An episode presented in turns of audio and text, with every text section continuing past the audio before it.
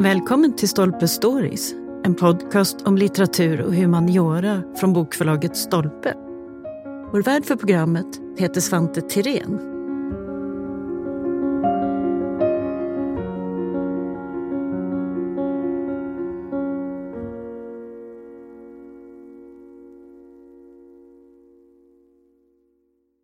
Konstnären Axel Törneman var länge bortglömd. Men med en hyllad samlingsutställning och en ny biografi så tycks han åter vara konstnärsnamnet på allas läppar, precis som han var då han levde. Axel Törneman var en av de konstnärer som på allvar introducerade den moderna konsten i Sverige. Och trots att han dog bara 45 år gammal så gjorde han ett djupt avtryck i konsthistorien. I den nya boken Axel Törneman och modernismen så breddas perspektivet ännu mer. Det är en antologi där litteraturvetare, konstvetare och idéhistoriker går på djupet med Törnemans värld och den spännande konstscen som han var en del av. En av författarna det är konstvetaren Lena Holger som ska berätta mer om resandets och utbildningarnas betydelse för den moderna konstens genombrott kring sekelskiftet 1900. Så varmt välkommen hit Lena! Tack så mycket! Du har ju genom åren forskat, skrivit, föreläst och gjort utställningar som på olika sätt behandlar den här tiden och olika konstnärer verksamma här då i modernismens början precis. Varför är det här en så spännande period? Som alla brytningsperioder så blir det väldigt spännande. Och runt eh, 1900 så är det väldigt mycket som händer. Om du tänker lite tillbaka så känner du att eh, hela den tekniska uppfinningsvärlden, typ eh, ångbåtar, tåg, in på 1900-talet kommer flyg och nya tekniker överhuvudtaget. Och alla de här brytningarna gör att det blir en sån speciell del i eh, hela konstnärslivet och livet överhuvudtaget. Det kokar av det nya och nya tekniska och kulturella och sociala förändringar. Ja, kan man säga. Samtidigt som det finns då en sorg över att man måste lämna det gamla som Anders Zorn till exempel. Han eh, tycker det är så sorgligt så han måste starta spelmansstämmer och allt möjligt för att inte glömma bort eh, vårt eh, jordbruksliv som vi hade i Sverige. Och det är väl det som också gör den här tiden spännande. Det finns både det bakåtblickande, nostalgiska, rädslan för att förlora någonting och en fascination för det nya och det okända. Mm, bra sammanfattning, det stämmer. Någonting sånt. Och mitt i allt detta kommer ju Törneman. Innan vi går in på honom, konstutbildningar. Det är ju där som konstnärerna formas i, i mångt och mycket. Hur såg det modernas genombrott ut här? Ändrades skolorna? Satt man fast? Vad, vad hände med utbildningsdelen på den här tiden? Vad det gäller konstnärlig utbildning så eh, står vi i Sverige ganska stilla ända fram till 1860-talet då det blir mer officiellt eh, 1864 med en kvinnlig eller fruntimmersateljé på Konstakademin. Men dessförinnan så finns det ju sammanslutningar eller konstnärer som har öppnat vad vi ska, idag skulle kalla för konstskolor, men som då oftast kallas för ateljéer, där man eh, gav en viss utbildning i grunderna att teckna och eventuellt måla. Och det är lite olika i olika länder hur man har gjort i Norden. I Finland är man väldigt tidig. Där börjar man redan 1846 med den första ritskolan i Åbo. 48 kommer den i Helsingfors. Sen i Norge så är det de olika konstnärerna som startar olika konstskolor. Den mest kända är väl den som Harriet Backer så småningom hade. Här i Sverige har vi August Malmström som börjar tidigt och tar in alla typer av elever. I Danmark är det lite sämre på den kanten, men även där finns det. Så att man kan säga att ifrån ungefär 1860-talet så finns det en konstnärlig grundutbildning i de skandinaviska länderna. Så förutom att det finns förstås en konstakademi, den här traditionella, så finns det också ateljéer eller så att säga alternativa konstskolor? Så är det. är det lättare att vara modern och öppen för det nya då i de här andra som inte är konstakademin? Ja, det måste man säga, även om de i viss mån också följer det akademiska spåret så är de ändå friare eftersom de kan ta in både män och kvinnor, pojkar och flickor. I många eh, av de här skolorna börjar ju med unga, väldigt unga personer. De är både 11, 12 och 15 år gamla när de börjar. De har alltså gått igenom den vanliga skolan och sen gör de kanske någonting annat. Det är lite olika i vilket samhällsklass du tillhör. Tyvärr måste man väl säga att det är så. Mm, även då så. Det, även då. Det var det hierarkiska. Ja. Men om man tänker då så här, konstakademierna runt sekelskiftet 1900, hänger de med i utvecklingen eller är de bakåtsträvande? Du känner väl till eh, opponenterna som är eh, 1880-talet där man liksom säger att nej, nu räcker det med den här urtråkiga utbildningen som ni håller på med i principklasserna på akademin. Där man ska sitta och teckna dagarna i ända och möjligen få avancera till att använda några gipsskulpturer så småningom. Innan man kommer upp i modellklassen och får teckna efter levande modeller. Det blir ju minst sagt lite tjatigt. Det tyckte de redan då. Men det som är bra med det är att du lär dig hur handen kommunicerar med hjärnan och med allt annat i eh, utvecklingen av ditt konstnärskap. Och det är väl det som man har tagit fasta på i de här konstskolorna. Att en liten dos av att teckna är viktigt, men man måste få börja använda penseln lite tidigare. Så det är liksom balansen mellan frihet och klassisk tradition och att kunna hantverket men också vara öppen för det. det nya. Och när, när de kommer ner till, dem, till kontinenten, eller till Rom eller till eh, Paris, så är de skandinaviska konstnärerna kända för att de har så bra grundutbildning. Så att därför kommer de så långt med sin fortsatta verksamhet. De har bra renommé, svenskarna? Mycket ute. bra renommé. Okay, Inte får... bara svenskar, utan eh, och då tänker jag till exempel på danskarna med Thorvaldsen nere mm. i Rom. Ja, de är mycket välkända och eh, mycket av lärarna uppskattade för att de begriper vad de håller på med. Så det får man ge dem, även om de var kritiserade då, Konstakademin, så man får ge dem att det tekniska grundhantverket, det, det, det gav dem. Ja. Mm. Det fick ju Törneman också, även om han inte var i Stockholm. Han var ju i Göteborg på Valand.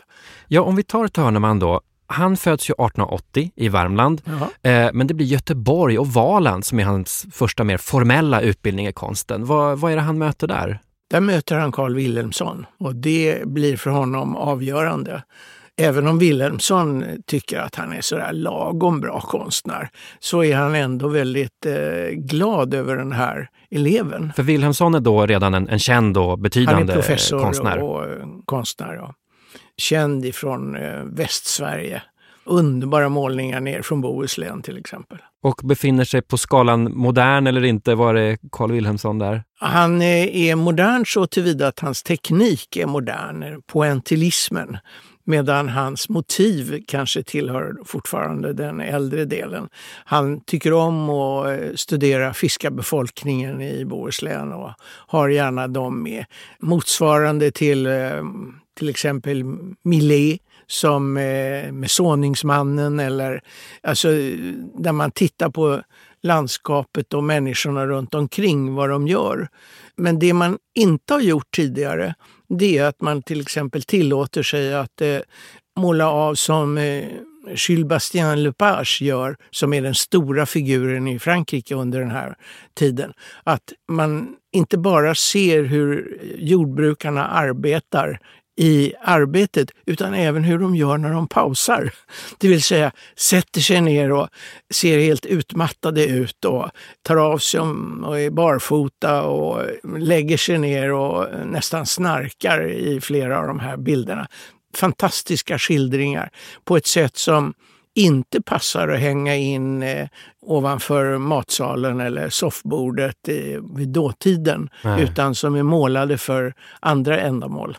Så det första centrala man möter då här på Valand och Carl Winsson, det är egentligen en, en, ny motivvärld där arbetet och inte bara arbetet i varande utan också just mellan och allt det här som är kring ja, det, det stämmer. blir någonting som en del av och det nya. Och det blir han mycket inspirerad utav.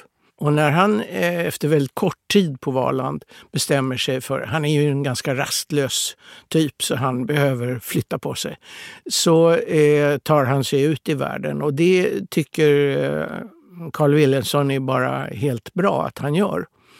De behåller för övrigt en livslång eh, vänskap, eh, elev och lärare. Det är ju fint av Wilhelmsson också. Han, han, kunde se att eh, det var någonting här. Det var inte riktigt i konstnärligt hänseende. Det var inte färdigutvecklat. men han såg ändå att det fanns en person. Han såg ändå kapaciteten, mm. ja det gjorde han. På Valand så mötte också Törneman Tora Vega Holmström som blir väldigt viktig för honom. För de återförenas nere i München. Ja, vi kan komma in på det. Törneman är ju väldigt kort tid på Valand. Han vill ut i Europa och första anhalten är just Tyskland. Och var mm. är det han hamnar? Ja, han hamnar nere i, i München.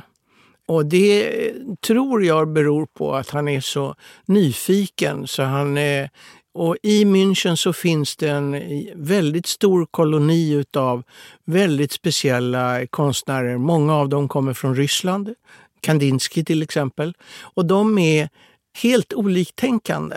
Och det passar ju Törneman att han får nys om de här. Samtidigt som han är lite, kan man säga, orolig över att eh, oj då, vad det bär iväg abstrakt. Eh, det kanske han inte är riktigt klar för. Nähä, så att han kunde inte ta in allt det nya på en gång? Nej, det kunde han inte. Utan han behöver eh, lite tillbaka igen och då tar han sig ut till Dachau. Eh, och där på de bruna hedlandskaperna runt omkring där nere så upptäcker han att det går att se på landskapen på andra sätt. Berätta lite, Dachau det är alltså en, en småstad kan man säga utanför München ja, som blir centrum för en sån här konstnärskoloni, en av många på den här tiden. Ja. Men vad, vad hände just här? Ja, det är väl eh, en eh, skicklig ledare, Adolf Hölzer, som är den som plockar in de olika eleverna och tillåter dem. Det finns en frihet för de som är elever där. Det är inte liksom regelbundet att du måste komma klockan nio och eh, sätta dig och, och, teckna eller måla efter vissa idéer. Utan eh, det är en helt annan frihet. Du kan ge dig ut i markerna. Du kan, eh, eftersom friluftsmåleriet då är en verklighet och friluftsmåleri innebär att du kan ta med dig målarlådan med färgerna ut i naturen. Det kunde du inte generationen innan. Och därför så blir det en helt annan luft och avtryck i det måleri som man gör utomhus när man sitter inför motiven. Mm. Så det var friare, inte bara så att säga, utbildningsmässigt utan också rent bokstavligt talat i landskapet, ja, att röra stämmer. sig fritt och ja, gå utanför. Det stämmer. Tyskland vid den här tiden då, det hände ju massa förstås i konsten där, men om man jämför med det han upplevt i Göteborg så är München och Dachau, det, det är ganska radikalt nytt, så att säga, en strömning som han befinner sig i där. Eller? Absolut är det det. Ja. Det är det och han får ju nya kontakter med eh, andra människor och andra delar, att, eh, hur man skulle kunna göra. Och han ställs väl också lite inför frågan, ska han stanna här eller ska han fortsätta? Ska han dra sig ännu längre söderut över Alperna ner i Italien? Eller eh, ska han åka mera västerut till Frankrike? Så småningom så bestämmer han ju sig för att åka till Paris, ja. till västerut. Och det är ju där många svenskar hamnar också förstås.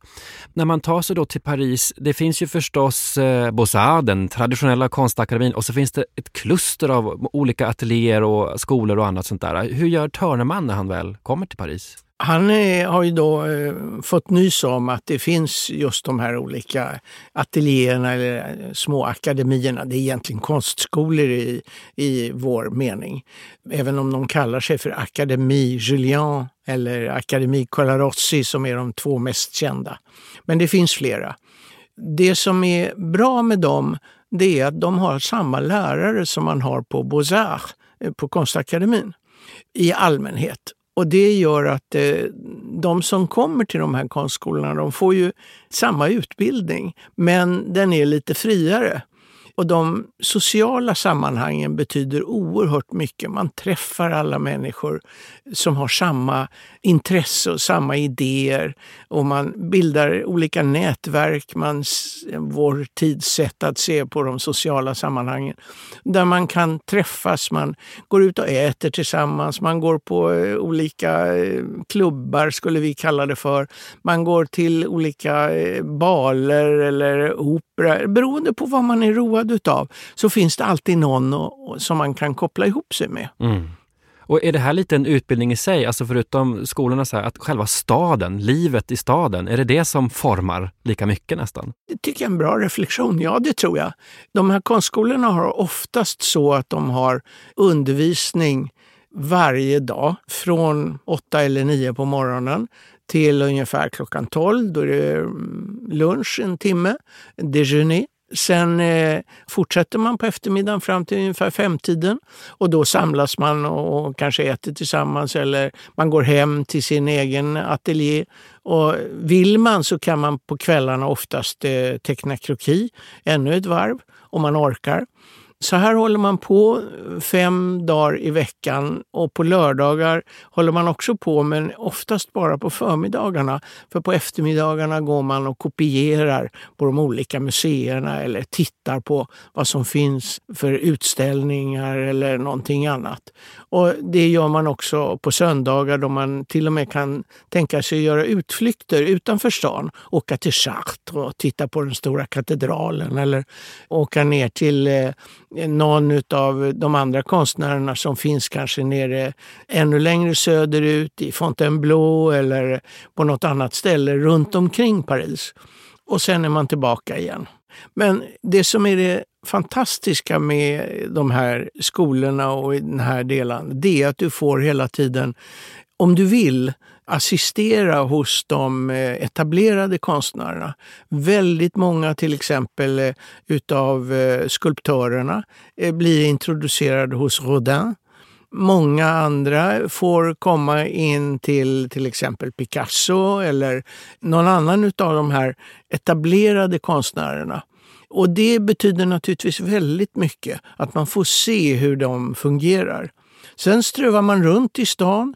Det finns många av de här konstnärerna som har skrivit hem och berättat att de har sett något fantastiska färger i den där källarlokalen som de går förbi eh, och tittar på hela tiden. Och så småningom så talar de också om att det är någon holländare, han heter visst van Gogh eller någonting i den stilen. Och det här kan man läsa om från flera av de här rapporterna som konstnärerna skickar hem. Mm.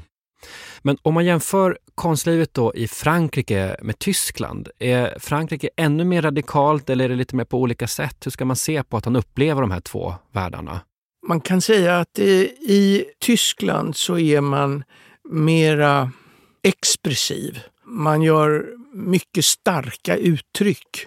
Man eh, kan liksom rita en linje som är eh, mycket grövre Eh, Eh, jag tänker på Käthe Kollwitz till exempel eller sammanslutningen Die Brücke som eh, är väldigt eh, stark. Där har man Kurt Schwitter och många andra som är färgmässigt mycket renare och starkare i färgerna än vad man är i Frankrike men det är kanske fånigt att kalla det mjukare, men jag skulle säga att den franska, ja, är, man kan inte kalla den för expressionism utan det är mera impressionism. Mm. Alltså den, det är en mjukare linje, det är inte så abrupt, det är inte så hårt som det tyska moderna konstlivet är. Och det kan ju bero på eh, till exempel att man i Tyskland har mycket svårare att enas i de olika små grupperingarna, de olika små kungadömena som bråkar med varandra. I Frankrike är det inte riktigt samma sak. Där är man mera genuint eh, vän med varann och håller de där som håller på att bråka med dem utanför. Efter krigsslutet 1871 så blir det lite lugnare överhuvudtaget i, eh, i Europa som gör också att det går att resa lite lättare. Och det där ger också spår i konstens värld förstås. Och det är därför jag tycker att ska man sammanfatta de här delarna så skulle man kunna säga att i Tyskland är det hårt. Frankrike är det mjukt. Det. Men det kanske är att ta i lite mycket, men ungefär. Ja, svårt att generalisera, men det finns ja, ändå det, skillnader. Det, ja, det gör det. Ja. Eh, om man tänker på, i Frankrike så är det ju Cézanne som är den stora eh, modernismens fader. Och hans sätt att måla är ju att eh, långsamt ta reda på vad det är egentligen han vill med sitt måleri. Där han använder kanske samma motiv hur många gånger som helst men ger det olika uttryck med sin pensel. På samma sätt som eh, Claude Monet gör det när han tittar på sin eh, Garcin Lazare i jag vet inte hur många olika versioner. Klockan eh, åtta på morgonen och genom hela dagen. Det finns ett helt annat språk i Frankrike än vad det finns i Tyskland. Och allt det här var ju Axel Törneman mottaglig för. Han Absolut. tolkar och reagerar på, på, allt det här. Uppenbarligen passade det honom bra att kombinera de här uttrycken och det tycker jag man ser i hans nattcafé. Där han har liksom tagit fasta på alla de här intrycken av de klara, starka färgerna ifrån det tyska sättet att se. Men sätter ihop dem i en eh, kombination av motiv som hör hemma i den eh, franska eh, lite eh, dolda världen. Där man kan se allt från nattfjärilen till, det vill säga den prostituerade flickan, till hur man socialiserar, hur man umgås på kvällen i kaféet eller på var det nu är man är någonstans han gör en fantastisk kombination tycker jag utav de här delarna som vi inte alls har egentligen fattat eh, förrän nu. Nattcafé är ett högkoncentrat av konstens utveckling på den här tiden, är det så? I kont kontinentala... Ja, jag tycker man kan säga det, att det är det. Men eh, Törneman är ju lite bråkig, lite ensamvarg, lite... Han bryr sig inte så mycket om vad, vad de säger att han ska göra eller vad han gör, utan han han har tagit en massa intryck och han låter det komma ut på det här sättet. Han går sin egen väg. Ja, verkligen. När han kommer tillbaka då till Sverige och Stockholm, hur, hur tas han emot? Inte alls skulle jag säga. Men eh, det är tur att han har Gerda med sig eh, som gör att han ändå får plats. Och så får han några uppdrag. Några av de uppdragen blir fantastiska, eh, stora uppdrag. Han får göra monumentala saker som man inte kunde ha tänkt sig att han skulle våga sig på, men som han genomför och det med stor bravur. Förstod man i Sverige direkt hur modern han var? Ja, det gjorde man och tog avstånd. Det väckte reaktioner? Ja, det väcker ju reaktioner. Det är ju alltid så när, när någon vågar sticka ut hakan, att man etablissemanget och de runt omkring eh, smäller gärna till för att eh, tala om att man ska hålla sig på sin plats. Men Törneman var inte så himla bra på att hålla sig på sin plats. Han, han ville vidare. Och där var det nog eh, väldigt viktigt att han har en familj omkring sig. Ja, vi kan väl nämna något kort för Gudrun, kvinnan i hans liv. Hon är ju en otroligt viktig del i den här berättelsen. Va, vad spelade hon för roll i allt det här kan man säga? Hon var ju själv en yrkeskvinna, även om hon sjöng eh, och inte målade, så hade hon ju samma konstnärliga bakgrund av att försöka göra någonting av sin begåvning. Och det hjälpte ju Axel Törneman väldigt mycket på vägen. Att hon stod med fötterna på jorden, hon eh, vågade hjälpa honom och stötta honom i det han gjorde. Samtidigt som hon också själv kunde utvecklas. Så hon var också öppen för det här nya och ett nytt sätt att leva kanske? Absolut. Också. Det kunde de tillsammans. Men eh, jag vågar inte svara på om de gifte sig före eller efter sitt barns födelse. Men eh, på den tiden var det naturligtvis ur borgerlig synpunkt oerhört viktigt att man gifte sig. Men det finns ju massor av dessa konstnärer som lever ihop i åratal utan att eh, bry sig ett skvatt om eh, om det var det ena eller det andra. Och man levde ihop och man var män eh, utan att, eh, fast man inte fick. Man gjorde det eh, med kvinnor tillsammans fast det, det var inte lika kontroversiellt eftersom systrar, eller vad vi nu skulle kalla det för, de, det syntes inte lika mycket. Men det är klart att när de började adoptera barn eller fick egna barn, då blev det lite eh, andra eh, synpunkter. Men det finns många exempel på eh, kvinnliga konstnärer, författare som lever samman utan att någon höjer på några ögonbryn. Det tycker jag är lite märkvärdigt att man, eh, man hetsar upp sig så våldsamt över Oscar Wilde.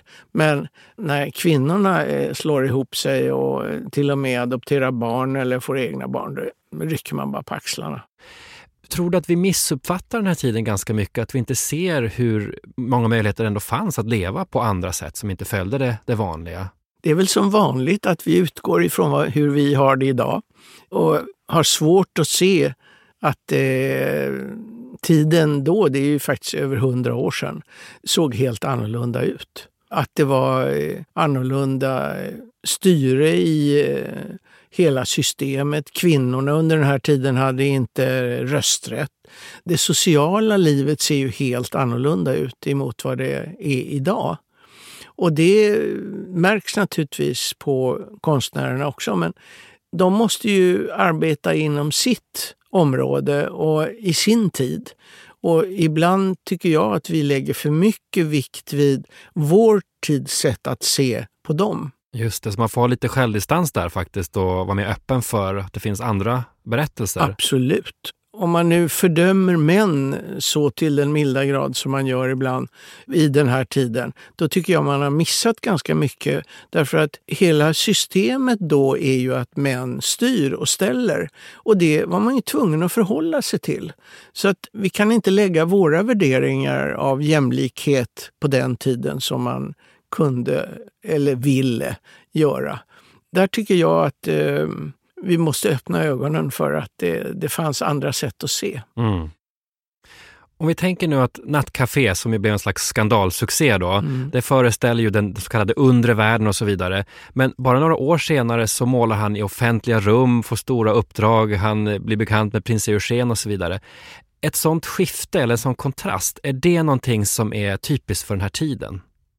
Jag tror att i och med att man får goda vitsord och eh, vänskap med de under den tiden betydelsefulla personerna, som till exempel prins Eugen, så blir man accepterad och godkänd utav en större krets.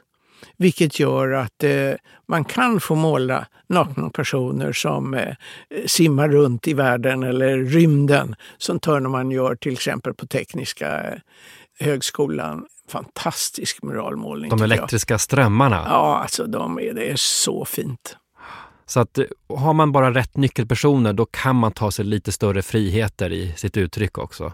Man får eh, inte lika mycket negativ eh, kritik därför att då finns det en slags rädsla från kritikerna att det ska också eh, liksom bli en kommentar att man inte tycker att den där personen som, eller mecenaten som stöder kanske blir uppretad över vad du skriver eller gör. Det är bra att ha lite som extra skydd ändå. Mm. Om vi tänker Törneman, han gick ju alltså inte på Konstakademin men han går ju en kort tid på Valand och han besöker ju flera då städer och så vidare. Mm. Är han tidstypisk på det sättet eller skiljer han ut sig? Hur ska vi säga att han är jämfört med sina generationskamrater?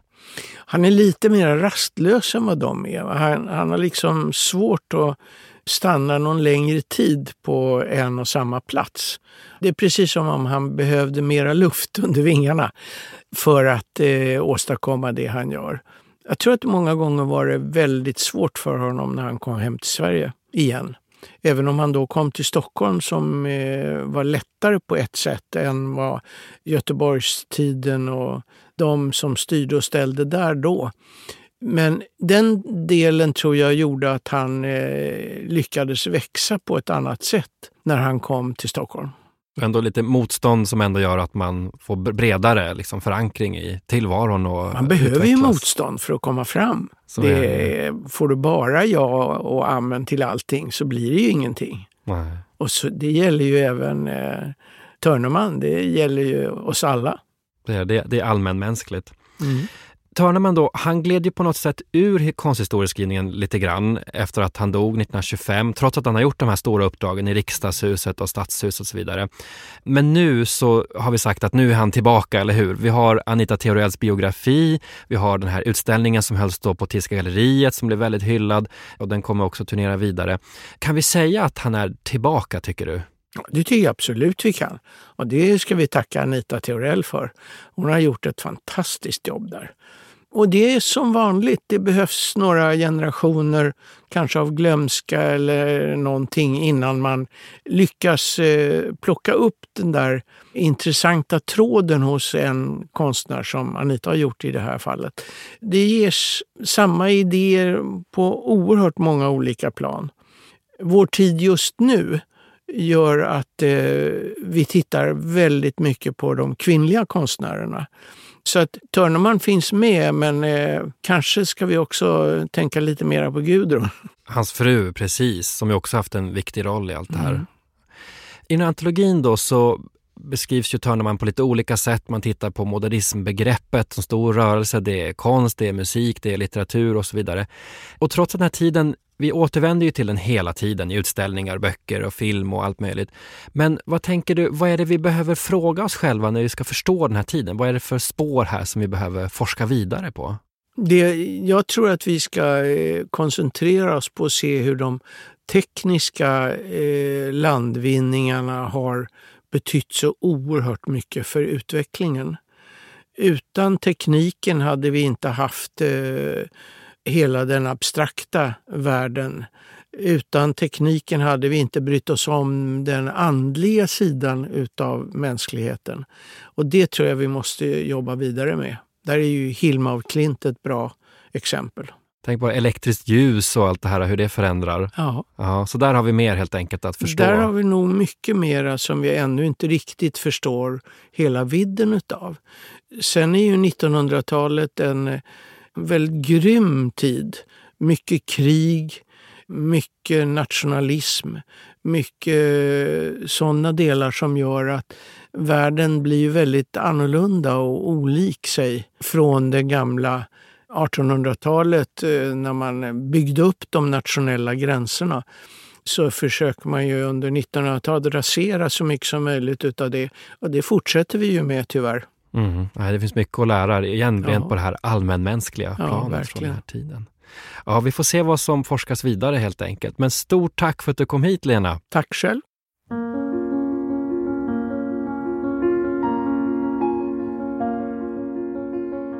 Tack för att du har lyssnat på Stolpe Stories.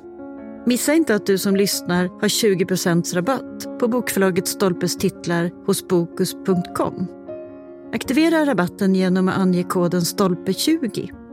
Och för att lyssna på fler avsnitt, följ oss där poddar finns och på sociala medier.